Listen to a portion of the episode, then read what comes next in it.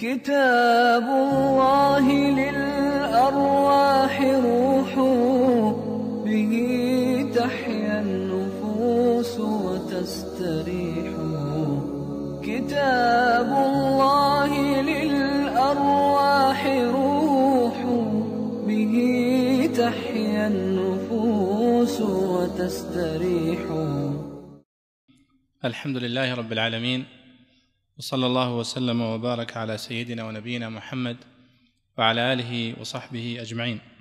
حياكم الله أيها الإخوة الكرام أيتها الأخوات الكريمات في هذا الدرس من دروس التعليق على تفسير الإمام عبد الله بن عمر البيضاوي رحمه الله تعالى واليوم هو الأحد الرابع عشر من شهر ربيع الثاني من عام 1434 وأظن أن هذا الدرس هو العاشر في سلسلة هذه الدروس آه، العلمية. آه، وقفنا في اللقاء الماضي عند قول البيضاوي رحمه الله وعند حديثه عن الآية آه، الثانية من سورة البقرة.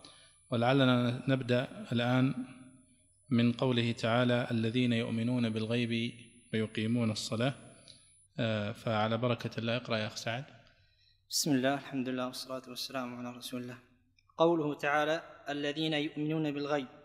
إما موصول بالمتقين على أنه صفة مجرورة مقيدة له.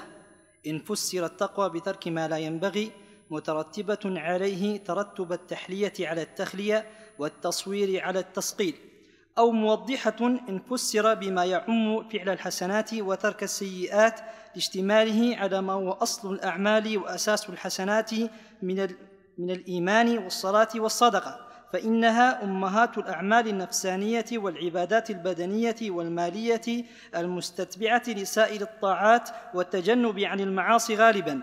ألا ترى إلى قوله تعالى إن الصلاة تنهى عن الفحشاء والمنكر.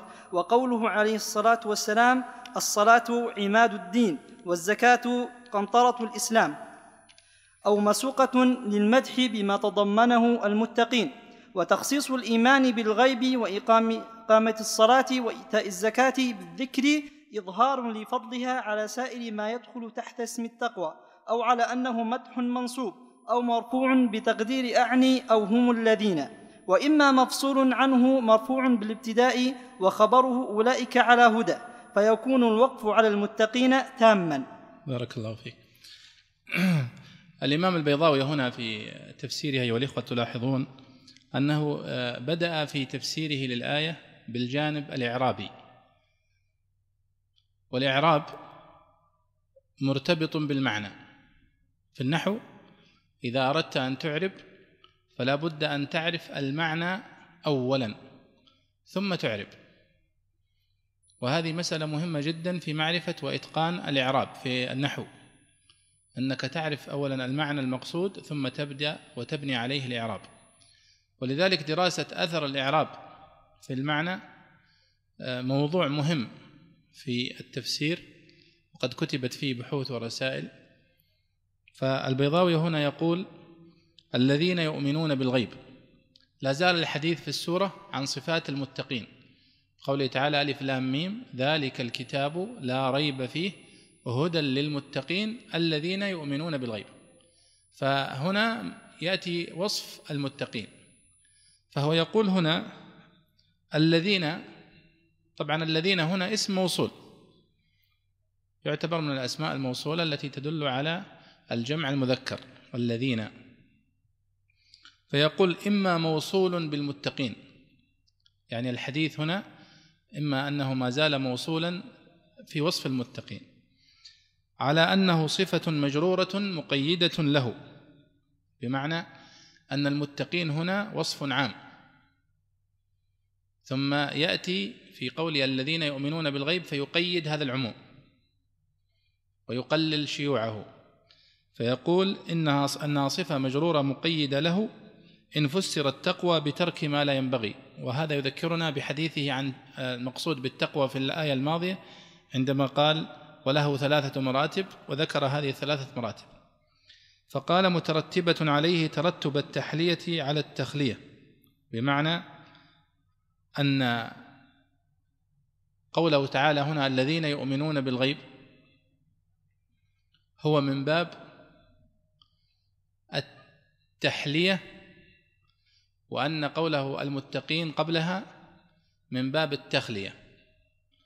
والتحلية هي أشبه ما تكون بارتداء الثوب هذا. هذه التحلية والتخلية هي خلع الثوب. فهم يقولون دائما في القواعد أن التخل أن التخلية قبل التحلية. أولا تخلي المكان ثم تحليه. وهذه قاعدة يعني مضطردة في النحو وفي وفي الفقه وفي غيرها. فيقول هنا أنها تترتب يعني يترتب الإيمان بالغيب على التقوى ترتب التحلية على التخلية أو التصوير على التصقيل. التصوير على التصقيل نفس المعنى. يعني الآن إذا أردت أن ترسم لوحة الآن تصورها فإنك لابد أن تصقل الورقة التي ترسم عليها أولا. أو إذا كنت مثلا تكتب على لوحة أو سبورة فأنت تمسح السبورة أولا وتزيل ما فيها من الكتابة السابقة ثم تكتب عليها. فيقول ترتب التصوير على التصقيل التصقيل يعني التنظيف والمسح وتضبيط المكان وإلى آخره. ثم يبدأ بعد ذلك التصوير والكتابة ونحو ذلك. فكذلك نفس الفكرة. قال أو موضحة يعني تكون هذه الآية الذين يؤمنون بالغيب إما أن تكون صفة للمتقين أو موضحة لنوع التقوى. قال أو موضحة إن فسر بما يعم فعل الحسنات وترك السيئات. لاشتماله على ما هو أصل الأعمال وأساس الحسنات من الإيمان والصلاة والصدقة. فإنها أمهات الأعمال النفسانية والعبادات البدنية والمالية المستتبعة لسائر الطاعات والتجنب عن المعاصي غالبا. فهو يشير هنا إلى أننا إذا قلنا الذين هدى للمتقين الذين يؤمنون بالغيب تكون من باب ليش؟ التوضيح للمقصود بالتقوى. فكأن الله يقول الهدى للمتقين من هم هؤلاء المتقون فيوضح المقصود بهم أكثر فيصفهم بهذه الثلاث الصفات. فيقول الذين يؤمنون بالغيب الصفة الأولى الصفة الثانية ويقيمون الصلاة والصفة الثالثة ومما رزقناهم ينفقون. طيب لماذا خص هذه الثلاث الصفات فقط؟ الإيمان بالغيب وإقامة الصلاة والإنفاق؟ قال هنا البيضاوي قال آه، لاشتمالها على ما هو أصل الأعمال وأساس الحسنات من الإيمان والصلاة والصدقة. قال فإنها أمهات الأعمال النفسانية يقصد الإيمان بالغيب. الإيمان بالغيب مسألة قلبية نفسية. والعبادات البدنية مثالها الصلاة هنا. والمالية الإنفاق المستتبعة لسائر الطاعات والتجنب عن المعاصي غالبا. ألا ترى إلى قوله تعالى إن الصلاة تنهى عن الفحشاء والمنكر؟ وقوله عليه الصلاة والسلام الصلاة عماد الدين والزكاة قنطرة الإسلام آه طبعا يشير إلى كون الصلاة هي كما في قول النبي صلى الله عليه وسلم عندما قال الحج عرفة طيب هل معنى الآية أو معنى قول النبي صلى الله عليه وسلم أن أنه لا يوجد أي منسك آخر في في الحج إلا عرفات؟ الجواب لا يوجد مناسك أخرى ولكن كأن عرفة لأهميتها وعظمتها وركنيتها هي الحج كله. وكما في قول النبي صلى الله عليه وسلم الدعاء هو العبادة لأهميته وعظمته. فكذلك هنا عندما يقول آه، الصلاة عماد الدين أو الزكاة قنطرة الإسلام فهو من هذا الباب للدلالة على أهميتها وعظمتها. وطبعا البيضاوي هنا عندما ذكر هذين الحديثين قوله عليه الصلاة والسلام الصلاة عماد الدين والزكاة قنطرة الإسلام آه، هما حديثان كما يقول المحقق هنا الأول قوله الصلاة عماد الدين أخرجه الإمام البيهقي في شعب الإيمان. عن عمر رضي الله عنه قال جاء رجل فقال يا رسول الله أي شيء أحب عند الله في الإسلام؟ قال الصلاة لوقتها ومن ترك الصلاة فلا دين له والصلاة عماد الدين.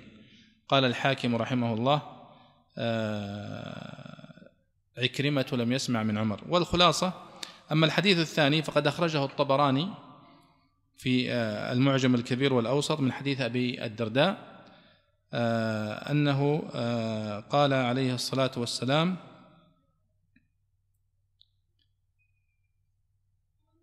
الزكاة قنطرة الإسلام. والحديثان ضعيفان كما ذكر المحقق وكما ذكر السيوطي أيضا في آه، الجامع. وتلاحظون هذه الصفة في تعامل البيضاوي رحمة الله عليه مع الأحاديث أنه يورد كثير من الأحاديث الضعيفة والموضوعة في حين أنه يوجد أحاديث صحيحة كان الأولى أن يذكرها.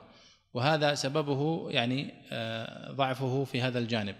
وإن كنت وجدت له كتاب في السنة شرح كتاب مصابيح السنة للبغوي شرحا في غاية الجودة. فيبدو والله أعلم أنه قد كتب هذا التفسير قبل آه، أن يكتب كتابه في شرح آه، المصابيح والله أعلم. وإلا فالأحاديث الصحيحة والحسنة في في الصحاح أو في التفسير وفي هذه الآيات موجودة. في تفسير الإمام الطبري وموجودة في تفسير ابن أبي حاتم وموجودة في آه، التفسير المأثور المشهور يعني قبل الإمام البيضاوي. لكن البيضاوي اقتصر في تفسيره على المصادر الثلاثة التي ذكرتها لكم في أول الشرح وهو تفسير الرازي وتفسير الكشاف للزمخشري و آه، نعم. نعم وتفسير الراغب الأصفهاني نعم. وهذه الثلاثة للأسف لا تهتم بالأحاديث الصحيحة. ولعلي أذكر لكم آه، أو أقرأ عليكم الآن كلام الزمخشري. في بيان هذه الآية نفسها حتى تلاحظوا أنه يقوم البيضاوي بالتغيير الطفيف في كلام الزمخشري فهو ينقل منه نقلا آه، شبه حرفي تقريبا أو يعيد أحيانا الصياغة بما يغمض المعنى. فمثلا يقول البيضاوي يقول الزمخشري هنا في تفسير هذه الآية نفس الكلام اللي يتكلم عنه البيضاوي قال الذين يؤمنون إما موصول بالمتقين على أنه صفة مجرورة أو مدح منصوب أو مرفوع بتقدير أعني الذين يؤمنون أو هم الذين يؤمنون.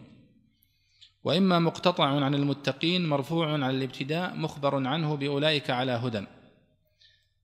نفس الفكرة يعني يهتم الزمخشري أيضا بالإعراب ويبدأ من خلاله في بيان معنى الآية. فإذا كان موصولا كان الوقف على المتقين حسنا غير تام. وهذا التعبير من الزمخشري أوضح من كلام البيضاوي. وسأشرحه لكم. وإذا كان مقتطعا كان وقفا تاما. فإن قلت ما هذه الصفة أواردة بيانا وكشفا للمتقين. أم مسرودة مع المتقين تفيد غير فائدتها؟ أم جاءت على سبيل المدح والثناء كصفات الله الجارية عليه تمجيدا؟ قلت يحتمل أن ترد على طريق البيان والكشف لاشتمالها على ما أسست عليه حال المتقين من فعل الحسنات وترك السيئات. أما الفعل فقد انطوى تحت ذكر الإيمان الذي هو أساس الحسنات ومنصبها وذكر الصلاة والصدقة لأن هاتين أما العبادات البدنية والمالية وهما العيار على غيرهما. ألم تر كيف سمى رسول الله صلى الله عليه وسلم الصلاة عماد الدين؟ وجعل الفاصل بين الإسلام والكفر ترك الصلاة وسمى الزكاة قنطرة الإسلام. وقال الله تعالى وويل للمشركين الذين لا يؤتون الزكاة. فلما كانتا بهذا المثابة بهذه المثابة كان من شأنهما استجرار سائر العبادات واستتباعها ومن ثم اختصر الكلام اختصارا بأن استغنى عن عد الطاعات بذكر ما هو كالعنوان لها والذي إذا وجد لم تتوقف أخواته أن تقترن به مع ما في ذلك من الإفصاح عن فضل هاتين العبادتين وأما الترك فكذلك. ألا ترى إلى قوله تعالى إن الصلاة كانت إن الصلاة تنهى عن الفحشاء والمنكر. كلام الزمخشري هنا أكثر ترتيبا من كلام البيضاوي الذي اختصره. ثم تلاحظون أسلوب الزمخشري وهذا أسلوبه في كتابه كاملا. فإن قيل فما الدليل على كذا وكذا؟ قلت. فإن قيل قلت فإن قيل قلت. هذا أسلوبه في تفسيره كاملا وهذا ما يسميه العلماء أسلوب الفنقلة. ولذلك يقول دعونا من فنقلات الزمخشري. فنقلات الزمخشري هو هذا الأسلوب. فإن قيل قلنا فإن قيل قلنا. هذه يسمونها الفنقلة في في بيان مسائل العلم وهو أسلوب جميل في طرح المشكلة وعرض الجواب آه، والكشف الشبهة أو الجواب لها. طيب. ثم يقول الخيار الثالث طبعا هو قال الخيار الأول أنها تكون موصولة. الذين يؤمنون بالغيب تكون موصولة وصفة للمتقين. والخيار الثاني أن تكون موضحة لها. والخيار الثالث قال أو مسوقة للمدح بما تضمنه المتقين. يعني كأن الله سبحانه وتعالى يقول هدى للمتقين ثم يمدح هؤلاء المتقين بهذه الصفات الثلاث كأنها أبرز الصفات التي يتصف بها هؤلاء المتقين والتي كانوا بسببها متقين. وكل هذه الثلاثة صحيحة ومحتملة في الإعرابات. والإعراب اجتهاد من العلماء المفسرين وإذا تع... إذا لم تتعارض الإعرابات وأمكن حمل الآية عليها فلا مانع. وهذه من قواعد التفسير المعروفة. ثم يقول وتخصيص الإيمان بالغيب وإقامة الصلاة وإيتاء الزكاة بالذكر إظهار لفضلها على سائر ما يدخل تحت اسم التقوى. ولا شك أن هذا ظاهر فإن الله سبحانه وتعالى في هذا الموضع وفي مواضع كثيرة جدا في القرآن الكريم أظهر فضل الصلاة وفضل الإيمان بالغيب وفضل الإنفاق آه، في سبيل الله. فهذه الآية ونظائرها تدل دلالة واضحة على أهمية هذه الأعمال الثلاثة. فأما الإيمان بالغيب فلا شك أنه من الأعمال القلبية العظيمة التي ورد التأكيد على أهميتها في القرآن الكريم وفي السنة النبوية. ولو تأملنا في أركان الإيمان بقول النبي صلى الله عليه وسلم آه، عندما سأله جبريل عليه الصلاة والسلام أخبرني عن الإيمان قال أن تؤمن بالله وملائكته وكتبه ورسله واليوم الآخر وأن تؤمن بالقدر خيره وشره. هذا كله من الإيمان بالغيب. والمقصود بالغيب هو كل ما غاب عنك. وأخبر عنه النبي صلى الله عليه وسلم أو أخبر الله عنه في كتابه. فنحن نؤمن به إيمانا بالغيب. فإيماننا بعيسى عليه الصلاة والسلام إيمان بالغيب. نحن لم نشهد عيسى عليه الصلاة والسلام. إيماننا مثلا بمعجزة موسى عليه الصلاة والسلام العصا. نحن نؤمن بأن عيسى موسى عليه الصلاة والسلام قد أعطاه الله معجزة كبرى وهي العصا وكانت تتحول إلى ثعبان عظيم. لكننا ما شاهدنا هذه المعجزة ولا شاهدنا هذه الآية. فنحن إيماننا بها من باب الإيمان بالغيب. ولكن الذين شاهدوها آمنوا بها إيمان بالشهادة. فهذا ما يسميه العلماء الغيب النسبي. فهو غيب بالنسبة لنا ولكنه ليس غيبا بالنسبة لمن شاهد هذه الآية. ولكن الجنة والنار هي من الغيب المطلق الذي لا يعلمه أحد إلا الله سبحانه وتعالى. قيام الساعة وموعد قيام الساعة. هذا من الغيب المطلق الذي لا يعلمه إلا الله سبحانه وتعالى. ولذلك في القرآن الكريم يسألونك عن الساعة أيان مرساه؟ وقل علمها عند ربي لا يجليها لوقتها إلا هو. في آيات كثيرة. والله سبحانه وتعالى عندما قال وعنده مفاتح الغيب لا يعلمها إلا هو. ولا شك أن الإيمان بالغيب هو الذي يثبت صدق الإيمان. أكثر من الإيمان بالشهادة. ولذلك لما وقع فرعون أو غرق فرعون وراى الموت قال آمنت. فلم يقبل الله سبحانه وتعالى إيمانه. قال آه الآن وقد عصيت قبل. لأنه أصبح يعني يشاهد ما كان يكذب به.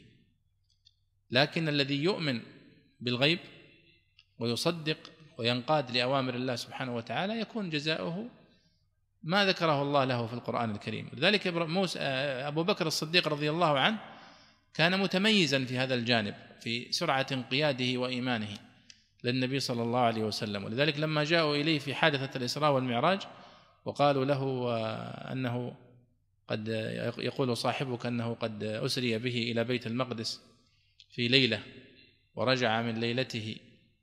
فقال إن كان قال ذلك فقد صدق.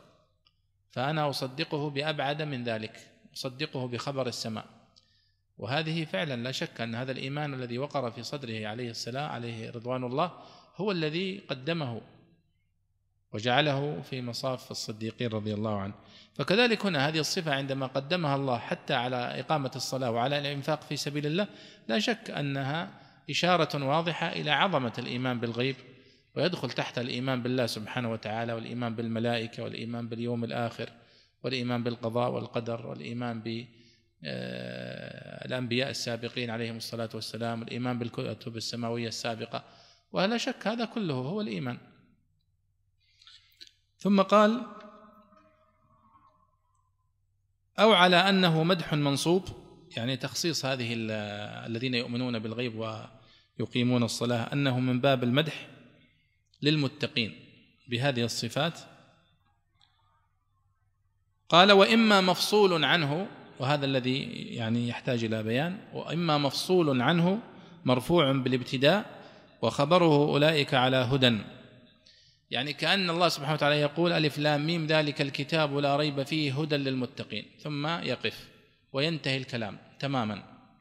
ثم يبدأ ويستأنف كلاما جديدا فيقول الذين يؤمنون بالغيب ويقيمون الصلاة ومما رزقناهم ينفقون والذين يؤمنون بما أنزل إليك وما أنزل من قبلك وبالآخرة هم يوقنون أولئك على هدى من ربهم وأولئك هم المفلحون. فيكون قوله الذين يؤمنون بالغيب ويقيمون الصلاة ومما رزقناهم ينفقون مبتدأ. خبره قوله أولئك على هدى من ربهم وأولئك هم المفلحون. فيكون الوقف على قوله هنا ذلك الكتاب لا ريب فيه هدى للمتقين وقف تام كما يقول البيضاوي هنا. قال فيكون الوقف على المتقين تاما. وهذا مصطلح يا شباب مصطلح من مصطلحات الوقف. الوقف التام والوقف الحسن والوقف الكافي والوقف آه، القبيح. هذه الأوقاف أو الوقوف الأربعة هي الوقوف التي ذكرها أبو عمرو أبو عمرو الداني وابن الجزري وهي التي عليها يعني آه، معظم المصاحف ومعظم كتب التجويد هي لا تذكر إلا هذه الأنواع الأربعة من الوقوف الوقف التام والوقف الحسن والوقف الكافي والوقف القبيح. فالوقف التام هو الذي لا يتعلق الكلام بما قبله آه، ولا يتعلق بما بعده. لا من حيث اللفظ ولا من حيث المعنى. كما في هذه الآية على هذا الإعراب.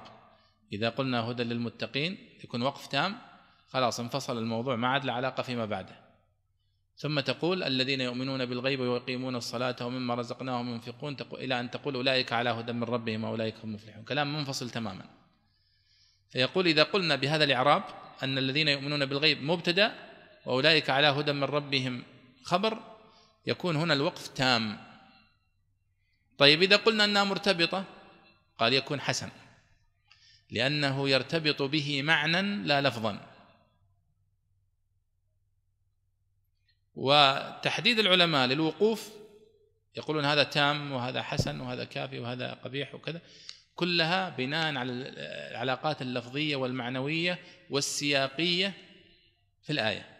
يشوفون إلى رأس الآية. إذا كانت مرتبطة بما قبلها لفظا مثلا.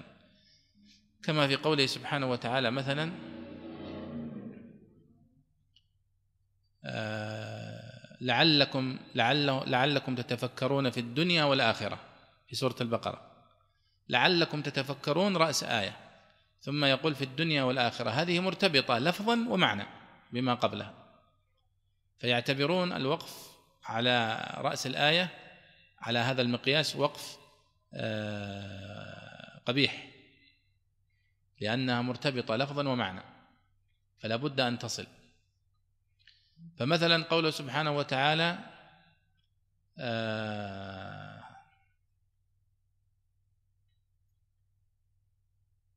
ولا يحزنك قولهم إن الله يعلم ما يسرون وما يعلنون.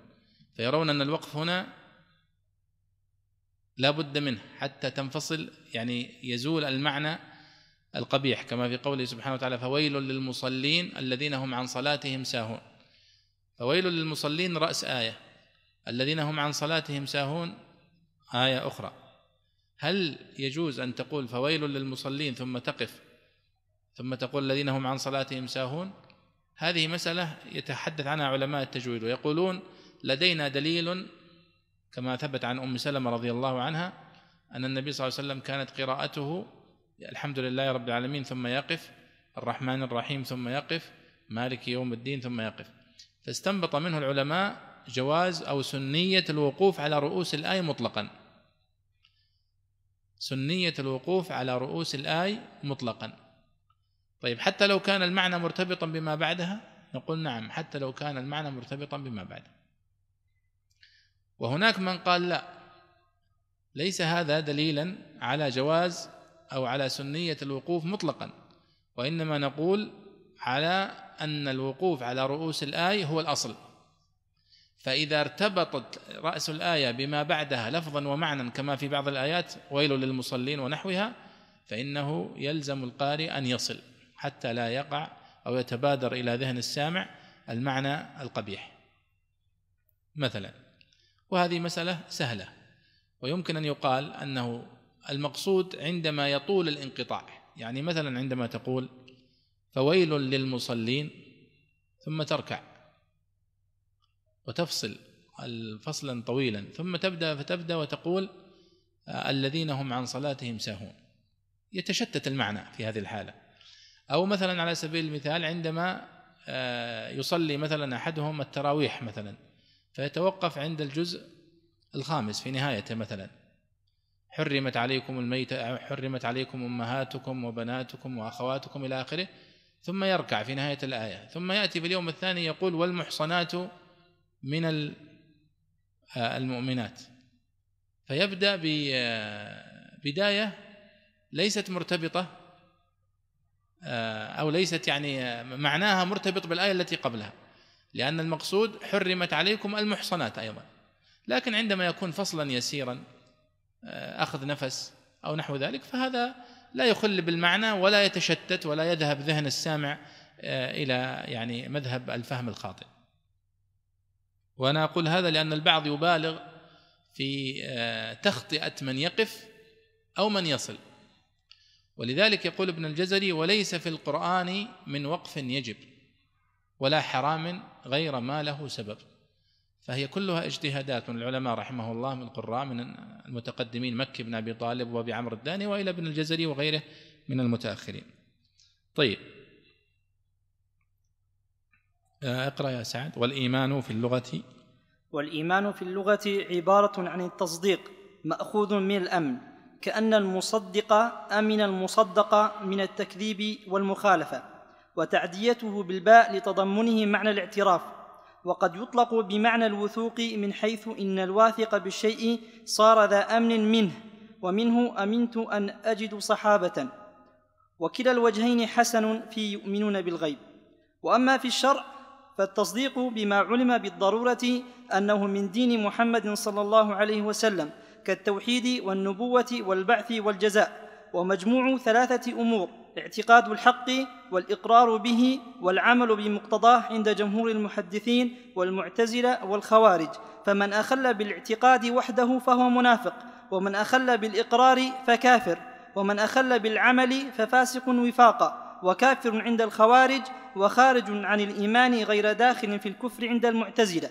والذي يدل على أنه التصديق وحده أنه سبحانه وتعالى أضاف الإيمان إلى القلب فقال أولئك كتب في قلوبهم الإيمان وقلبهم مطمئن بالإيمان ولم تؤمن قلوبهم ولما يدخل الإيمان في قلوبكم وعطف عليه العمل الصالح في مواضع لا تحصى وقرنه بالمعاصي فقال تعالى وإن طائفتان من المؤمنين اقتتلوا يا أيها الذين آمنوا كتب عليكم القصاص في القتلى الذين آمنوا ولم يلبسوا إيمانهم بظلم مع ما فيه من قلة التغيير فإنه أقرب إلى الأصل وهو متعين الإرادة في الآية إذ المعدى بالباء هو التصديق وفاقا ثم اختلف في أن مجرد التصديق بالقلب هل هو كاف لأنه المقصود أم لابد من انضمام الإقرار به للمتمكن منه ولعل الحق هو الثاني لأنه تعالى ذم المعاند أكثر من ذم الجاهل المقصر وللمانع أن يجعل الذم للإنكار لا لعدم الإقرار للمتمكن منه.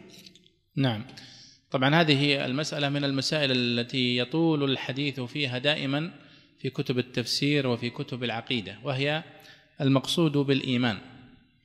فالبيضاوي هنا يقول آه، عندما جاء إلى قوله الذين يؤمنون بالغيب ما المقصود بالإيمان هنا؟ فقال الإيمان في اللغة عبارة عن التصديق مأخوذ من الأمن كأن المصدق أمن المصدق من التكذيب والمخالفة. وتعريف الإيمان في اللغة بالتصديق فقط غير دقيق. والصحيح أن المقصود بالإيمان هو هو التصديق الذي لا شك فيه ولا ريب فيه ولا تردد فيه والذي يثمر الطمأنينة. هذا هو المقصود بالإيمان.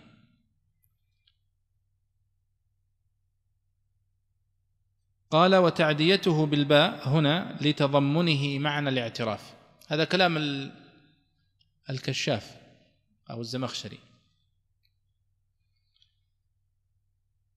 والتضمين من المسائل المهمة التي تحتاج حقيقة أن نتوقف عندها في اللغة خاصة في القرآن الكريم بالذات لأن هناك آيات كثيرة جدا قال العلماء فيها بالتضمين.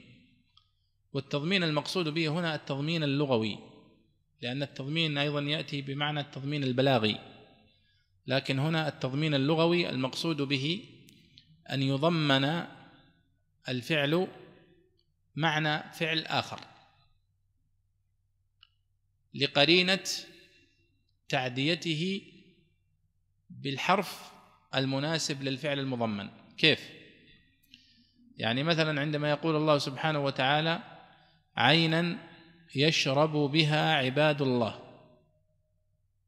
قالوا عينا يشرب بها؟ كيف جاءت هذه؟ الذي نعرفه في اللغة أنه يقول عينا يشرب منها لأن نعرف دائما أن العين آه، ليست إناء وإنما يشرب منها ولا يشرب بها. طيب لماذا قال الله عينا يشرب بها؟ قالوا هذا التضمين. يعني الآن اللي خلاهم يقولون بالتضمين أنهم لاحظوا تعدية الفعل هذا بحرف غير معهود. ما هو بالعادة أن يعد هذا الفعل بهذا الحرف؟ فما دام أنه قد عدي بهذا الحرف اذا الفعل فيه تضمين. طيب كيف نعرف الفعل الذي ضمن هذا الفعل؟ قالوا نشوف أقرب الأفعال التي تعدى بالحرف الجديد هذا. فمثلا عينا يشرب بها عباد الله. وش هو الفعل الذي يناسب التعدية بحرف الباء ويناسب الفعل نفسها اللي هو يشرب؟ قالوا عينا يروى بها عباد الله. يروى. لأن يروى هو الذي يتعدى بالباء وهو مناسب للشرب وفيه إضافة معنى. يعني نحن الآن سنقول عينا يشرب بها عباد الله ستجدون في كتب التفسير المختصرة يقولون يشرب بها عباد الله ويرتوون. لأنه ليس كل أحد يشرب يروى أليس كذلك؟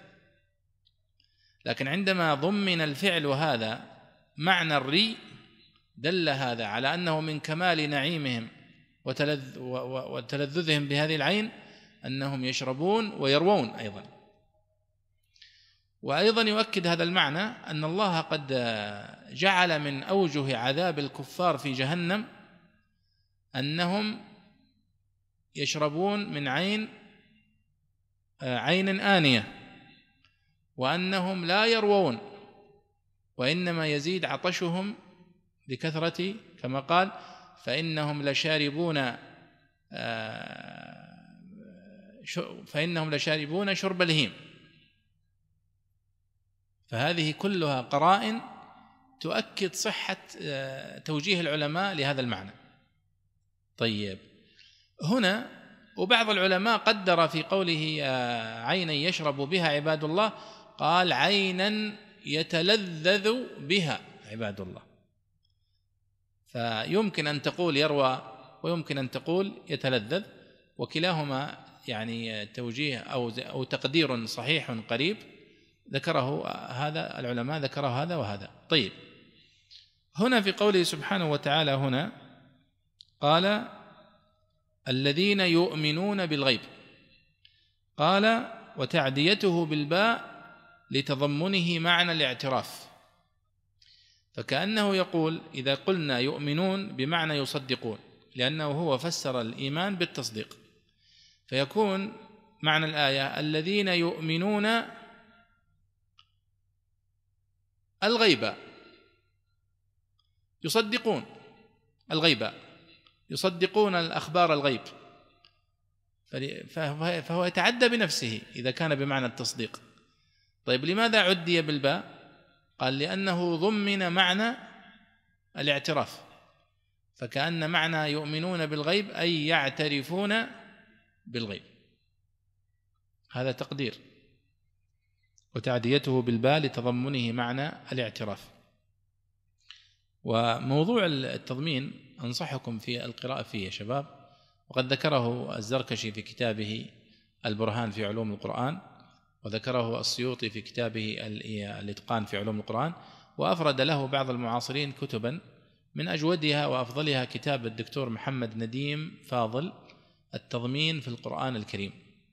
التضمين في القرآن الكريم في مجلدين تناول فيه كل الآيات والمواضع التي قيل فيها بالتضمين. وابن جني في كتابه الخصائص قد أشار إلى هذا الموضوع إشارة واسعة جدا وخاصة في الجزء الثاني من كتاب الخصائص صفحة 310 قال ولو تتبع متتبع آه، صور التضمين في لغة العرب لجاءت في مجلدات كثيرة. أو في شعر العرب لجاءت في مجلدات كثيرة. فهي من خصائص العربية المميزة آه، التي ينبغي على طالب العلم أن يتعرف عليها. وهناك قول آخر عند الكوفيين يخالفون فيه هذا القول وهو التضمين لأن التضمين الذين قالوا به أكثرهم من البصريين. قال الكوفيون بقول مخالف وهو أن التضمين لا يكون في الفعل وإنما يكون في الحرف. فبدل أن نقول عينا يشرب بها عباد الله عينا يشرب منها عباد الله. فيصبح التضمين والتغيير في دلالة الحرف وليس في دلالة الفعل وهو ما يسميه الكوفيون تناوب الحروف حروف المعاني. فيقولون أن على تنوب عن من ومن تنوب عن على ونحو ذلك. وهذه أيضا لها إيجابياتها ولها سلبياتها. يعني فكرة التضمين في الفعل فكرتها الثراء اللغوي. ميزتها الثراء اللغوي الذي تدل عليه يعني يدل عليه التضمين. فهو يدل على أن لغة العرب لغة ثرية جدا وواسعة ويمكنك أن تعبر بفعل واحد ويدل على معنيين هذا التضمين. أما تناوب الحروف فهو دون ذلك في الدلالة. وإن كان الدكتور محمد نديم فاضل في كتابه التضمين في القرآن الكريم قد أشار في مواضع إلى أن القول بتناوب الحروف في بعض المواضع أقوى من القول بالتضمين في الفعل. فليس على إطلاقه يكون التضمين أدل على ثراء المعنى لكنها يعني مسألة مرتبطة بالسياق الذي وردت فيه الآية. قال البيضاوي وقد يطلق بمعنى الوثوق يعني يطلق الإيمان بمعنى الوثوق من حيث إن الواثق بالشيء صار ذا أمن منه. ومنه ما أمنت أن أجد صحابة وكلا الوجهين حسن في يؤمنون بالغيب. يعني القول الثاني أن الإيمان بمعنى الثقة والوثوق في الشيء. ولعل منه قوله تعالى وما أنت بمؤمن لنا ولو كنا صادقين في قول إخوة يوسف في سورة يوسف وما أنت بمؤمن لنا يعني وما أنت بمصدق لنا ولا ولا بواثق في كلامنا ولو كنا صادقين وعلى كل حال فهي ليست بعيدة عن عن بعض يعني. التصديق الاطمئنان الوثوق كلها يعني قريبة الدلالة في بيان معنى الإيمان. وكما تحدثنا مرارا ونكرر أن التفسير هو هذا بهذه الطريقة. تفسير الشعر أو تفسير القرآن أو تفسير الحديث أو تفسير كلام الآخرين إنما هو بتقريب المعاني بألفاظ قريبة مرادفة. والذي يريد أن يأتي بتفسير بمعنى دقيق فلا يفسر. يأتي بالكلام نفسه ويرجع هو بسليقته إلى الدرجة الأولى التي كان فيها القرآن ينزل على الصحابة. أما إذا أراد أن يعيش في زماننا فنحن نقرب اللفظ يا ناصر؟ نحاول أن نأتي بالمعنى الذي يقرب المعنى لفظة. فما نقول يؤمنون بالغيب أي يصدقون ويطمئنون ويثقون ولا يشكون ولا يترددون و... هذه كلها نفس المعنى. أما إذا تريد المعنى الإيمان بدقة فهو الإيمان كما يفهمه العربي الفصيح. لكن هذه طريقة التفسير طريقة الشعر وإنما نحن نقرب المعاني ونحاول أن نضع أيدينا عليها. قال وأما في الشرع يعني تعريف الإيمان في الشرع فالتصديق بما علم بالضرورة أنه دين أنه من دين محمد صلى الله عليه وسلم كالتوحيد والنبوة والبعث والجزاء. وهذه يعني طريقة العلماء منذ أن بدأ العلم أنهم يبدأون يتحدثون عن عن معنى اللفظة إذا كانت مصطلحا قرآنيا أو مصطلحا إسلاميا فيعرفونها في اللغة ويعرفونها في الاصطلاح أو يعرفونها في الشرع. وقد يسأل سائل ويقول ما الفرق بين إذا قلت عرف اللغة أو مثلا عرف الزكاة لغة وشرعا؟ أو عرف التفسير لغة واصطلاحا. لماذا لا نقول عرف الزكاة لغة واصطلاحا؟ فنقول نعم لأن الزكاة ليس اصطلاح اصطلح عليه الناس وإنما هو مصطلح شرعي نزل به الوحي. فنحن نطلب تعريفها شرعا يعني في لسان الشارع. أما عندما نقول ما تعريف علوم القرآن اصطلاحا أو التفسير اصطلاحا أو البلاغة اصطلاحا فلأنها علوم اصطلاحية يعني مصطلحات اصطلح عليها يعني فئة أو مجموعة من من العلماء. وقد صنف فيها أبو حاتم الهمداني كتاب جميل جدا سماه الكلمات الإسلامية أو الزينة في الكلمات الإسلامية. كتاب ثمين جدا تكلم عن تطور الدلالة للكلمات اللغوية التي وردت في القرآن الكريم وفي السنة النبوية. كيف أنها كانت في في قبل الإسلام تدل على معنى لغوي فقط. ثم لما جاء القرآن الكريم ونزل بها وأثبتها أصبح لها معنى شرعي إضافي. إما أنه يوسع المعنى اللغوي أو يضيق المعنى اللغوي أو يأخذ بعضه مثل الصلاة مثلا والزكاة والحج والصيام. والإيمان. الإيمان من نفس الفكرة. كانت في العربية أو عند العرب لها معنى لغوي يتعارفون عليه. كما كالصلاة مثلا. بمعنى الصلاة كان يعرفون العرب أنها بمعنى الدعاء فقط. صلى عليك الله يعني دعا يدعو له. أو صلي بمعنى أدعو. ثم جاءت الصلاة في الإسلام بمعنى هذه الأفعال التي المخصوصة التي نفعلها. المبتدأة بالتكبير والمختتمة بالتسليم إلى آخره. وهذه ترى من المسائل الدقيقة والجميلة جدا التي يحسن بطالب العلم أن يهتم بها. ومن أجود ما رأيت فيها كتاب ثمين جدا آه، تطور التطور الدلالي بين لغة الشعر ولغة القرآن الكريم.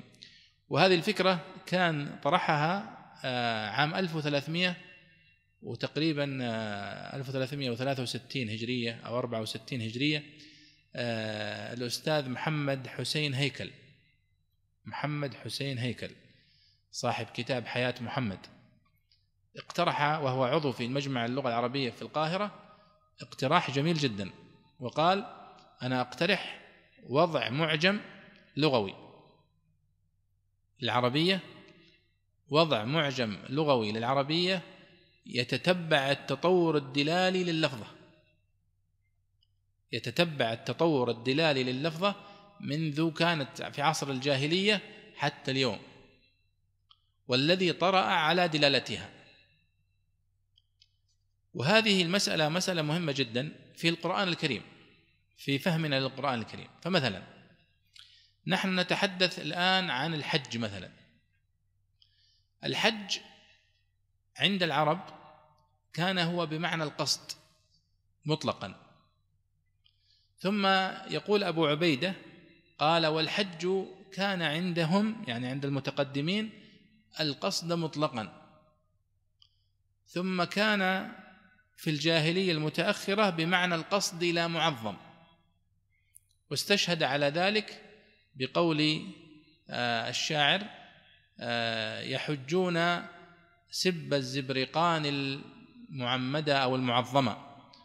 الزبرقان بن بدر كان من آه، سادة بني تميم وكان يشي يمدح هؤلاء ويقول أنهم كانوا يحجون بيت الزبرقان المعظمة بمعنى يقصدونه فهو بمعنى القصد إلى معظم. ثم قال هو اليوم في الإسلام هو القصد إلى بيت الله الحرام. تطورت اللفظة. ثم نقول نحن اليوم ولا زالت لفظه الحج إلى اليوم هي بنفس المعنى. تقول للناس هل حجيت جيت؟ من الحج؟ ذهبت إلى الحج؟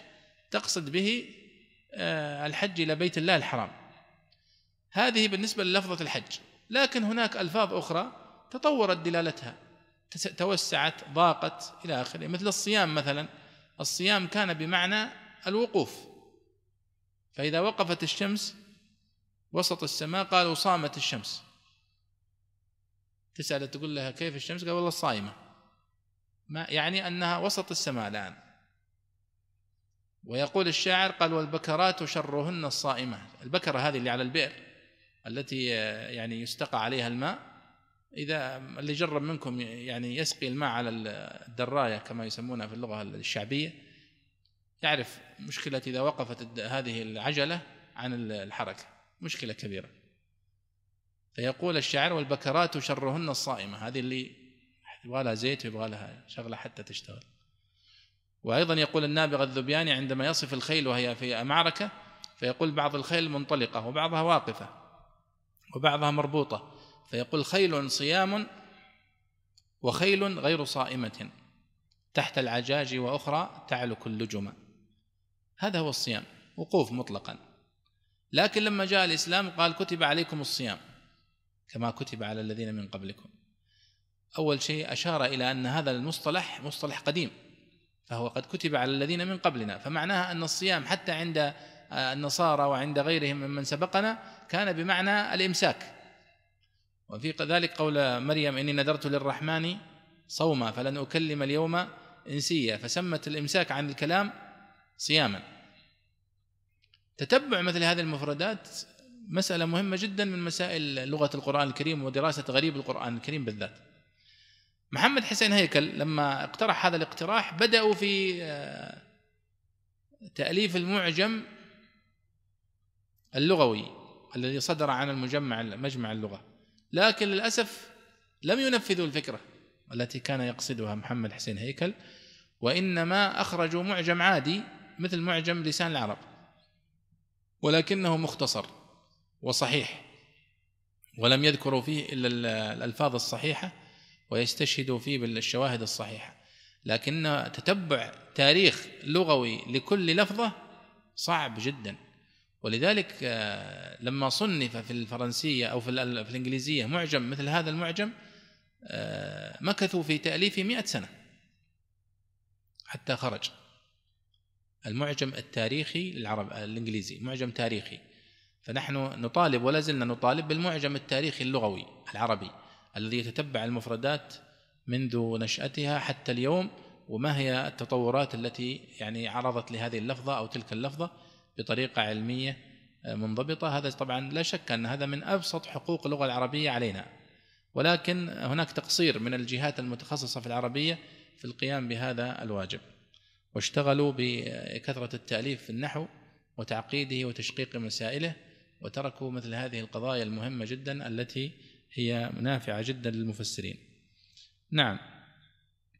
طبعا تلاحظون هنا ملحوظة من صنيع البيضاوي. يقول هنا وقد يطلق بمعنى الوثوق من حيث إن الواثق بالشيء صار ذا أمن منه ومنه ما أمنت أن أجد صحابة. طبعا اللي يقرأ ما أمنت أن أجد صحابة يعني ما وثقت أن أجد صحابة. هذه العبارة هذه وش هي هذه؟ وما أمنت أن أجد صحابة. نحن لا نرضاها إلا إذا كانت منقولة عن الفصحاء. جايبها البيضاوي كذا ومنه ما أمنت أن أجد صحابة. فأنت تتعامل معها كيف تتعامل معها؟ ومنه يعني لو هل هي شاهد شعري عن عربي يحتج به؟ الكشاف ماذا يقول؟ في نفس الفكرة هذه.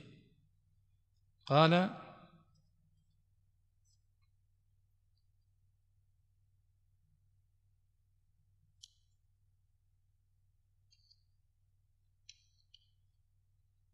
طبعا هو ذكر هذا القول منسوبا إلى أبي زيد الأنصاري. وهذه يعني تفرق كثيرا آه، عندما تقرأ.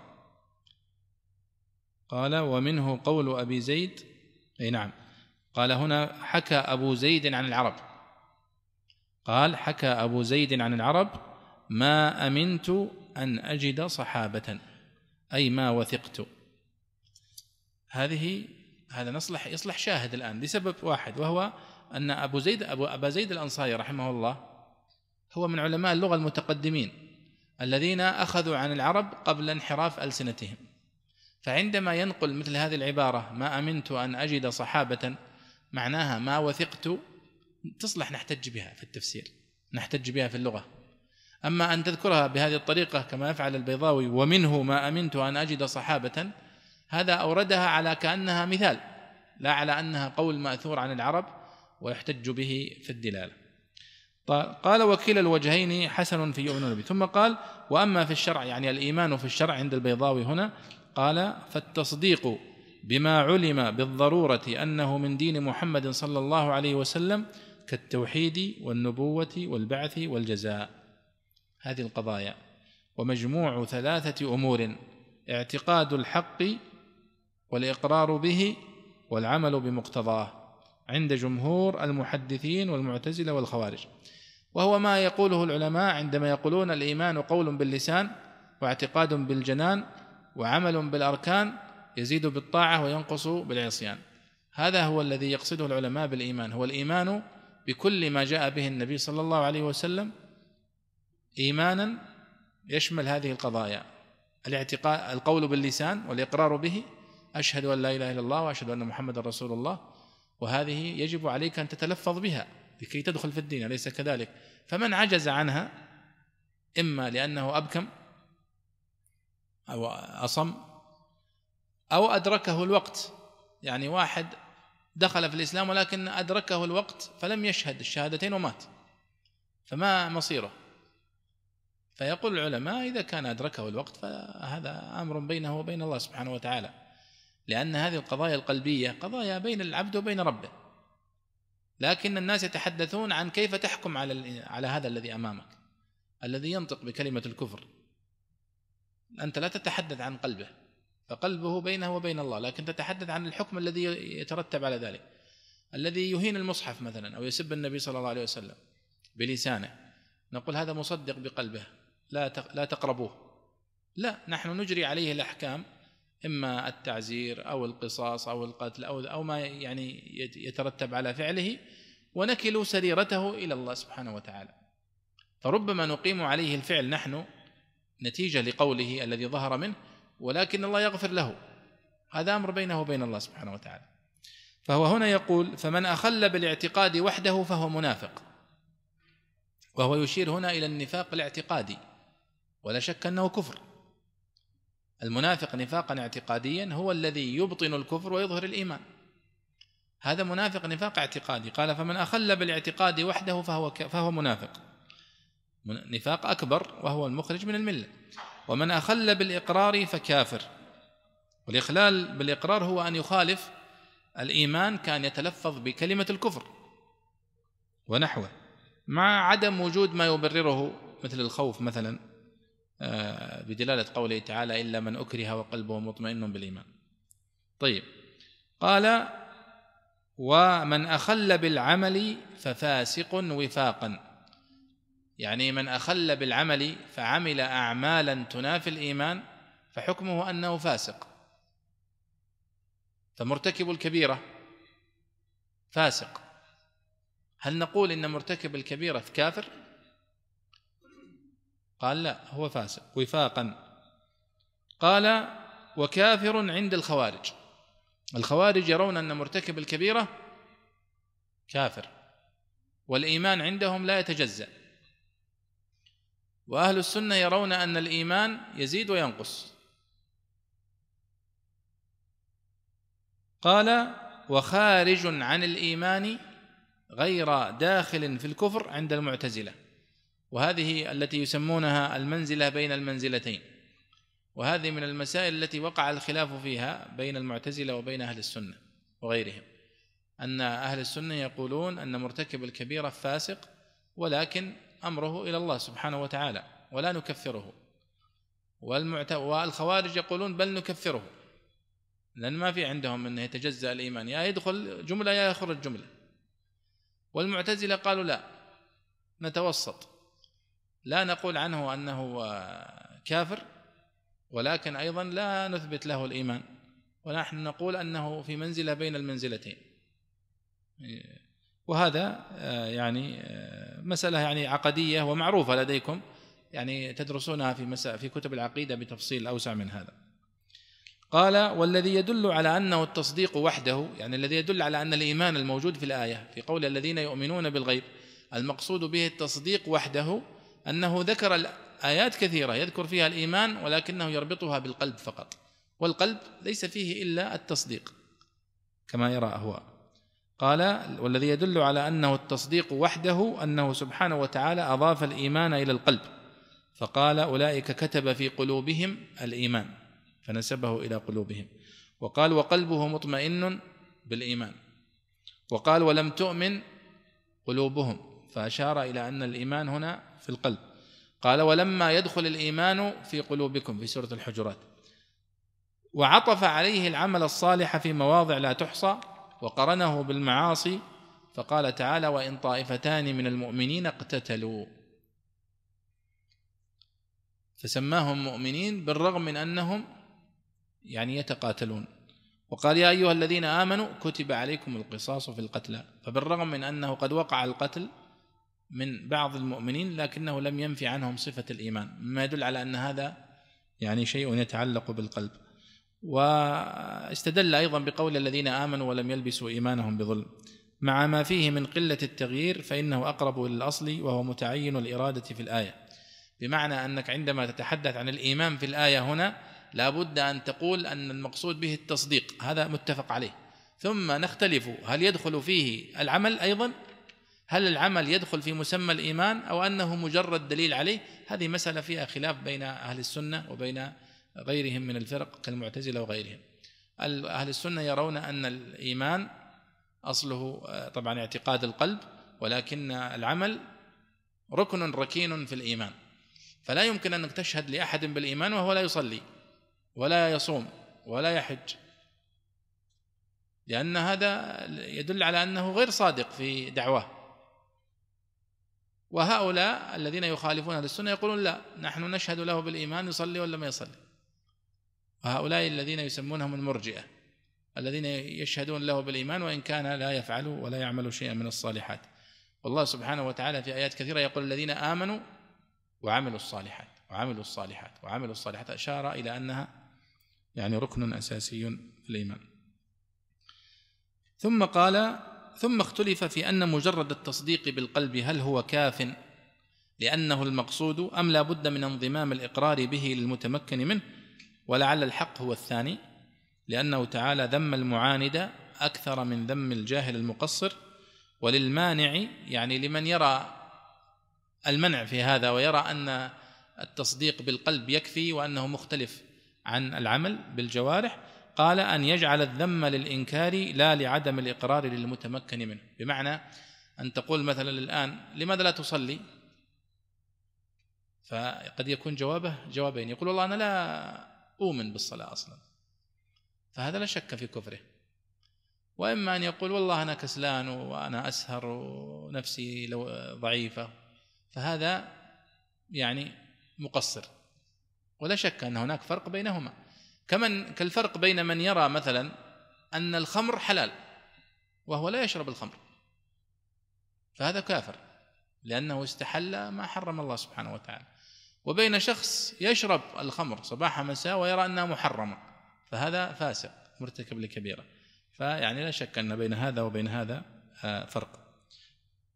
ثم يتحدث الآن عن المقصود بالغيب. لاحظوا أن كل ما تقدم في إعراب الآية واستخراج المعاني التي تدل عليها كل إعراب ثم ينتقل الآن في الحديث عن الغيب ومعناته في اللغة. تفضل. كان يتحدث عن الإيمان. الذين يؤمنون بالغيب. ما معنى الغيب؟ تفضل يا شيخ. والغيب مصدر. والغيب مصدر وصف به للمبالغة كالشهادة في قوله تعالى عالم الغيب والشهادة والعرب تسمي المطمئن من الأرض والخمسة التي تلي الكلية غيبا أو فيعل خفف كقيل.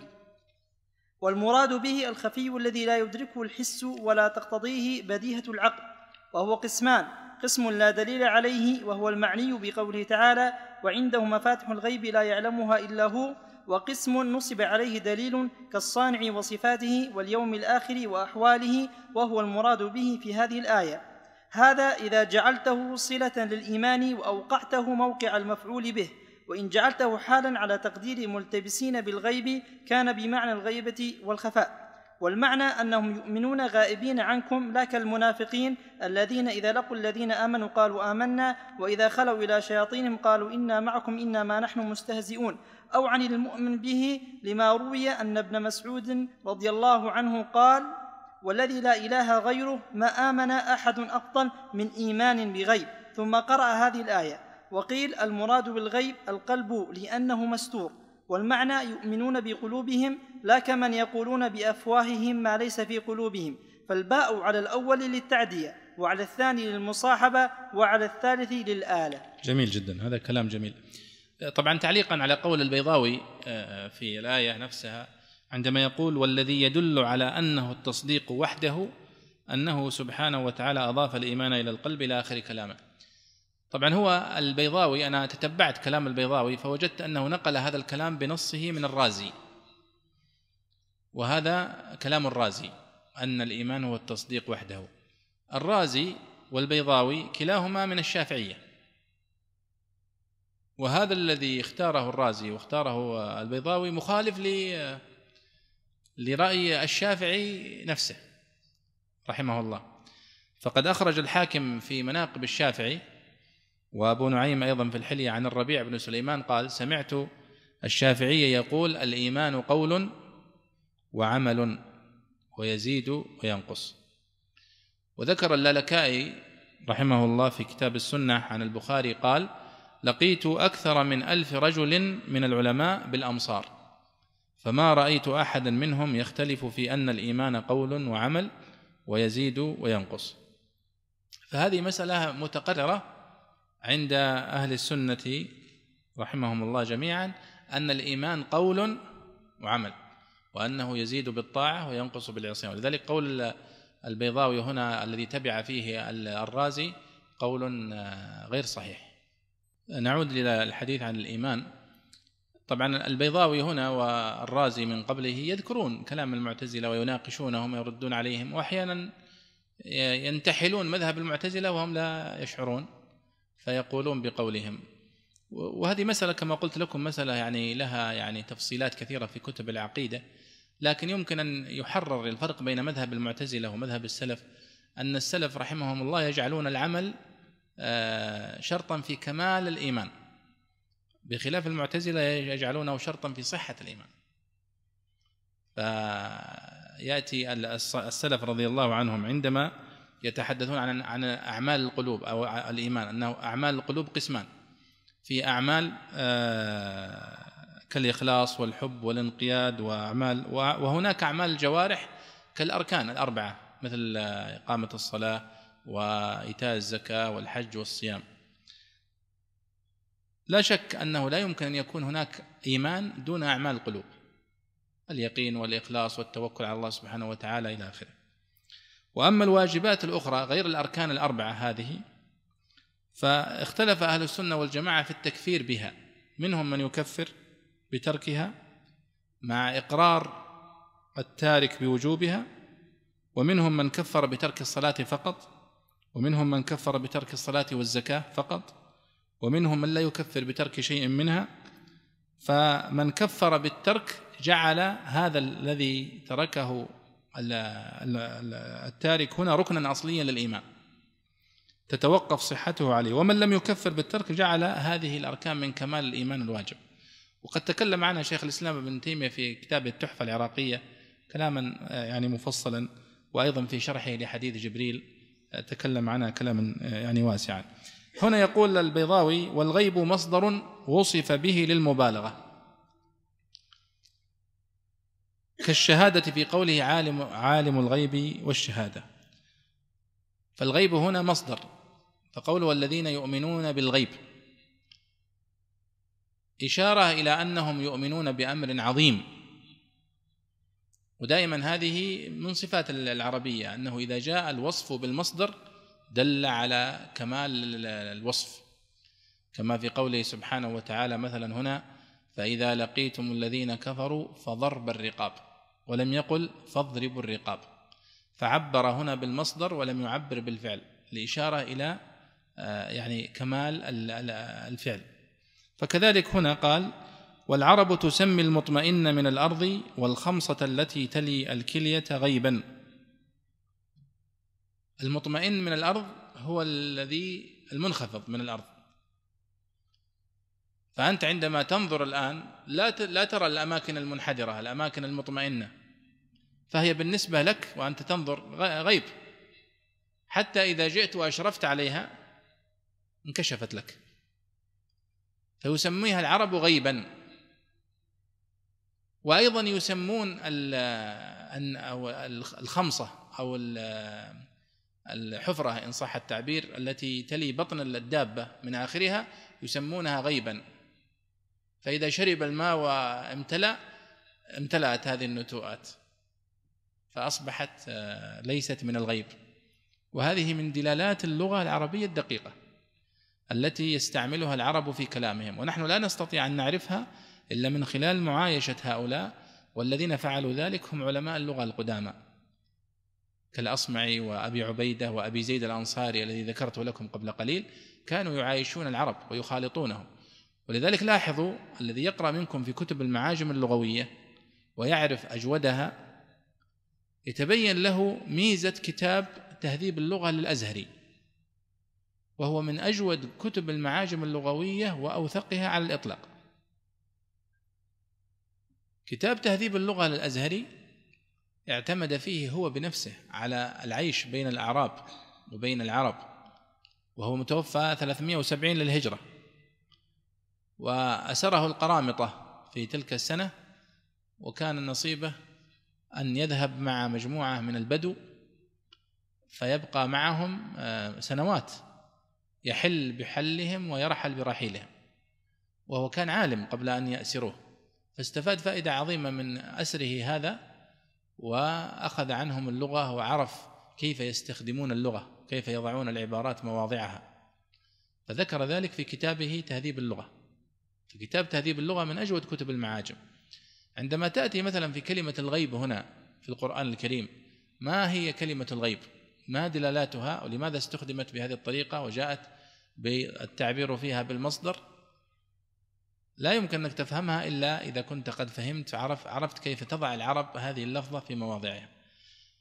فيقول هنا والعرب تسمي المطمئن من الأرض غيبا أو الخمسة التي تلي الكلية غيبا. أو فيعل خفف كقيل والمراد به الخفي الذي لا يدركه الحس ولا تقتضيه بديهة العقل. يعني المقصود بالغيب هنا في الاصطلاح. وليس المقصود بالغيب أو في الغيب هنا في, في القرآن.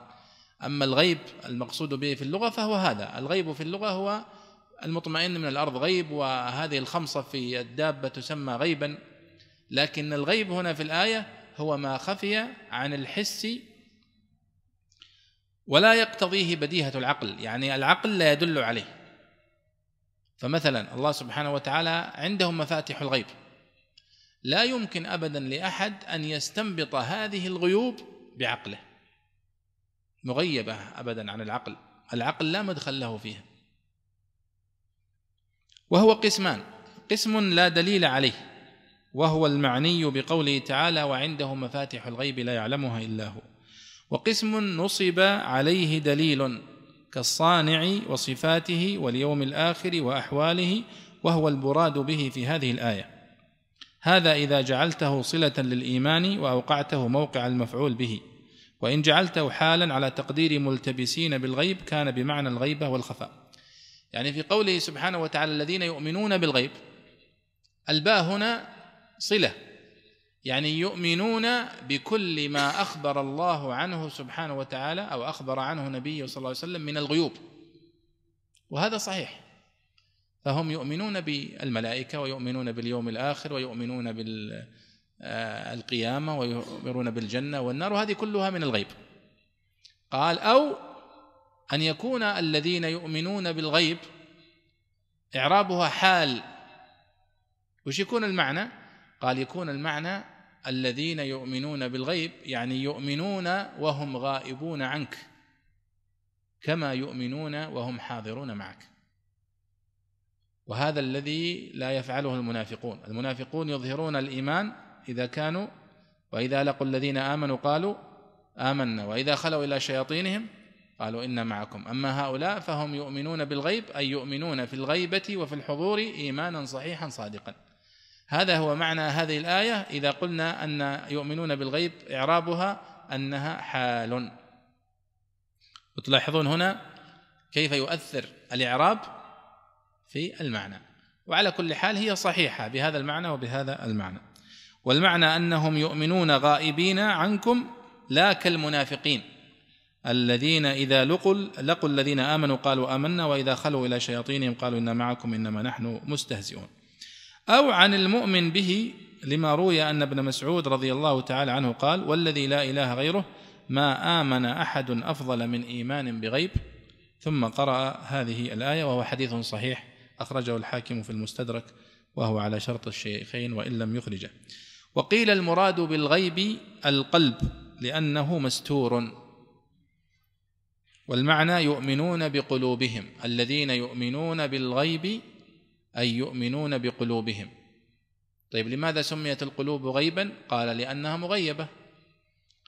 لا كمن يقولون بأفواههم ما ليس في قلوبهم. لاحظوا هذه الثلاثة التوجيهات لقولها الذين يؤمنون بالغيب. فقال البيضاوي هنا فالباء على الأول للتعدية. الذين يؤمنون بالغيب يعني بكل ما غاب عنهم قال هي للتعدية. قال وعلى الثاني للمصاحبة. يعني الذين يؤمنون غائبين وحاضرين. قال هذه للمصاحبة. وعلى الثالثة للآلة. الذين يؤمنون بالغيب أي يؤمنون بقلوبهم. طيب لو سألكم سائل وقال متى تكون الباء هنا للتعدية ومتى تكون للآلة ومتى تكون للمصاحبة. يأتي الجواب بهذه الطريقة. فيقال إذا كان إعرابها أنها بما غاب عنك مما أخبر النبي صلى الله عليه وسلم به أو الله فتكون للتعدية تكون صلة الذين يؤمنون بالغيب. وإذا كان المقصود أنها حال الذين يؤمنون بالغيب يعني يؤمنون في غيابهم وفي حضورهم. فنقول هي للمصاحبة. وإذا كانت آه، المقصود بالغيب هنا القلب فتكون الباء هنا أداة. ثم يقول البيضاوي اقرأ يا سعد ويقيمون الصلاة. ويقيمون الصلاة أي يعدلون أركانها ويحفظونها من أن يقع زيغ في أفعالها من أقام العود إذا قومه أو يواظبون عليها من قامة السوق إذا نفقت وأقمتها إذا جعلتها نافقة. قال أقامت غزالة سوق الضراب لأهل العراقين حولا قميطا. فإذا فإنه إذا حفظ عليها كانت كالنافق الذي يرغب فيه وإذا ضيعت كانت كالكاسد المرغوب عنه. أو يتشمرون لأدائها من غير فتور ولا توان. من قولهم قام بالأمر وأقامه إذا جد فيه وتجلد وضده قعد عن الأمر وتقاعد. أو يؤدونها عبر عن الأداء بالإقامة لاشتمالها على القيام كما عبر عنها بالقنوت والركوع والسجود والتسبيح والأول أظهر لأنه أشهر وإلى الحقيقة أقرب وأفيد لتضمنه التنبيه على أن الحقيقة بالمدح من راعى من راعى حدودها الظاهرة من الفرائض والسنن وحقوقها الباطنة من الخشوع والإقبال بقلبه على الله تعالى لا المصلون الذين هم عن صلاتهم ساهون ولذلك ذكر في سياق المدح والمقيمين الصلاة وفي معرض الذم فويل للمصلين والصلاة فعلى من صلى إذا دعا كالزكاة من زكى كتبتا بالواو على لفظ المفخم وإنما سمي الفعل المخصوص بها لاشتماله على الدعاء وقيل أصل صلى حرك الصلوي لأن المصلي يفعله في ركوعه وسجوده واشتهار هذا اللفظ في المعنى الثاني مع عدم اشتهاره في الأول لا يقدح في نقله عنه وإنما سمي الداعي مصليا تشبيها له بتخشعه بالراكع الساجد. نعم. البيضاوي هنا يعني يحلل وهذا هو معنى التفسير التحليلي. التفسير التحليلي أنه يحلل أصل لفظة الصلاة في اللغة. ما معنى يقيمون الصلاة؟ فأولا في قوله يقيمون. تلاحظون في القرآن الكريم التعبير دائما في الصلاة بلفظ الإقامة. يقيمون الصلاة وأقاموا الصلاة والمقيمين الصلاة.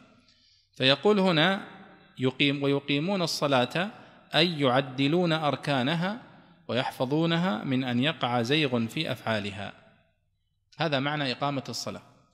من أقام العود إذا قومه. مثل عود الرمح. عود الرمح الأصل فيه أن يكون مستقيم. والعرب لديهم طريقة في تقويم الرمح. لأنهم أحيانا يحصلون على عود من شجرة لكن يكون فيه بعض الانحراف.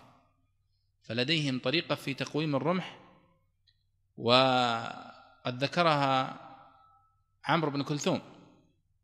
في معلقته. ألا هبي بصحنك فاصبحين ولا تبقي خمور الأندرين.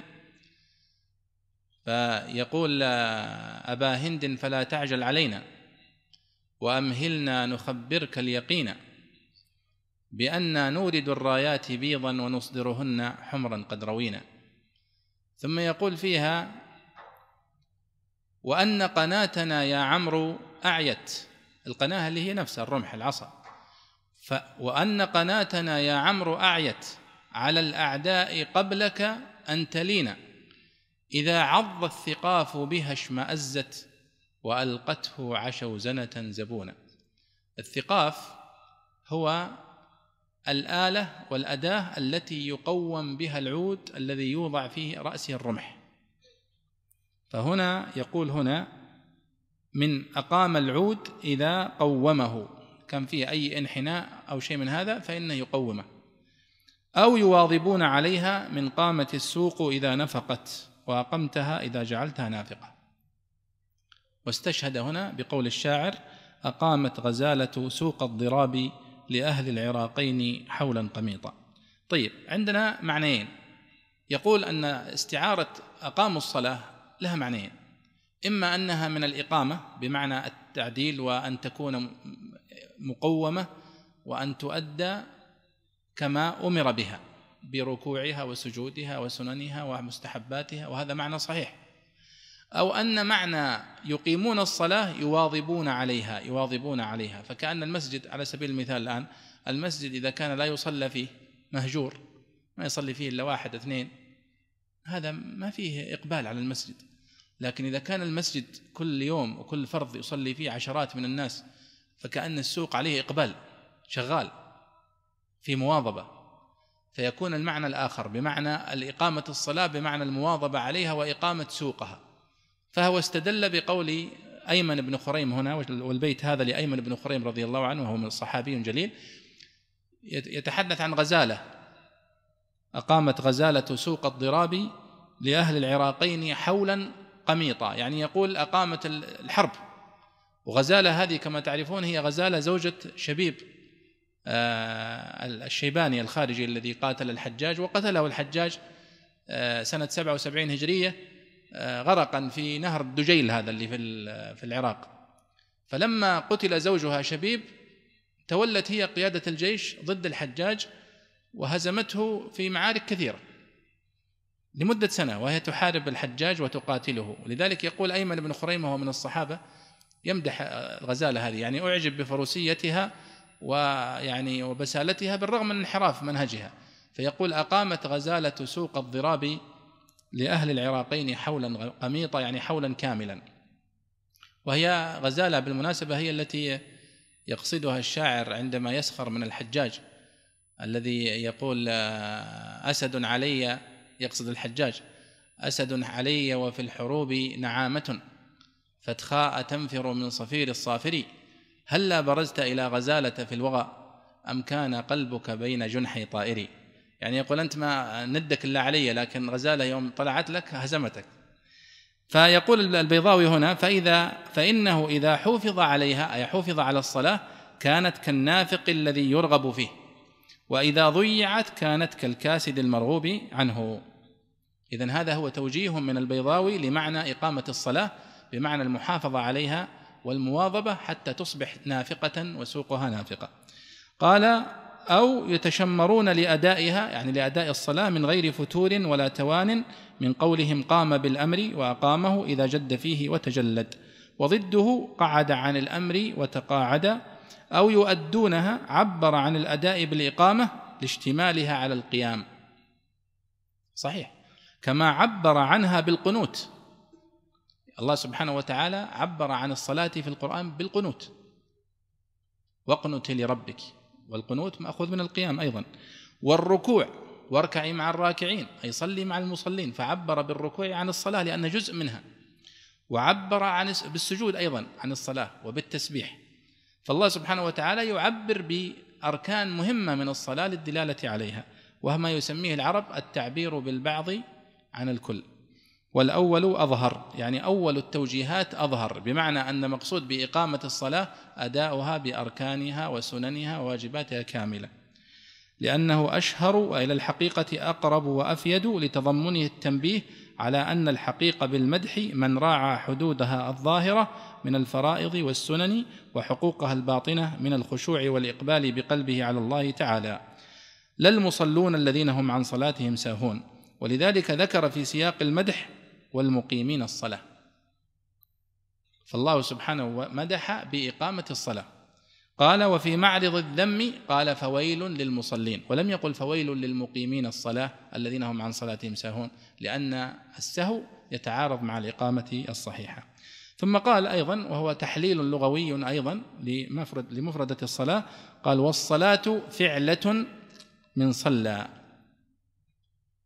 إذا دعا كالزكاة من زكى كتبتا بالواو. لاحظوا هذا التوجيه أن الصلاة في القرآن كله بالواو مكتوبة والزكاة على لفظ المفخم وإنما سمي الفعل المخصوص بها لاشتمالها على الزكاة على الدعاء. وكأنه يشير والله أعلم إلى قراءة ورش فورش يضخم اللام في الصلاة كما تعلمون.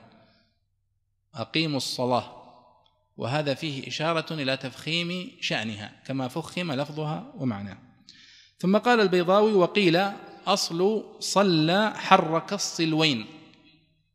وهذا تجدون في كتب المعاجم كثيرا. أصل اشتقاق الصلاة أنه مأخوذ من حرك الصلوين والصلوين هو عرق في الفخذ من الخلف. لأنك وأنت تسجد وتركع يتحرك كثيرا هذا العرق. فسميت آه، بهذا. قال لأن المصلي يفعله في ركوعه وسجوده واشتهار هذا اللفظ في المعنى الثاني مع عدم اشتهاره في الأول لا يقدح في نقله عنه وإنما سمي الداعي مصليا تشبيها له في تخشعه بالراكع والساجد. كأنه يقول أن أصل اللغة أو أن صلى في اللغة بمعنى دعا. ثم سميت الصلاة المخصوصة هذه صلاة لأن الدعاء من أظهر ما فيها. فهو يدعو في قيامه وفي ركوعه وفي سجوده. فنقلت الصلاة وهذا ما يسميه يسمون النقل اللغة النقل المعنوي وهو الذي ذكرته لكم قبل قليل في في اقتراح محمد حسين هيكل. هو كتابة معجم تاريخي لألفاظ اللغة العربية بمعنى كيف تنقلت المعاني. يعني كانت تدل الصلاة على الدعاء فقط ثم أصبحت بعد نزول القرآن والإسلام تدل على هذه الأفعال المخصوصة التي نفعلها. وبقيت بينهما صلة. وهي أن الصلاة التي نفعلها الآن مشتملة على الدعاء. فليس هناك انقطاع بين المعنى اللغوي قبل الإسلام وبين المعنى الشرعي بعد الإسلام. هذا وصلى الله وسلم على سيدنا ونبينا محمد وعلى آله وصحبه أجمعين. كتاب الله للأرواح روح به تحيا النفوس وتستريح. كتاب الله للأرواح روح به تحيا النفوس وتستريح.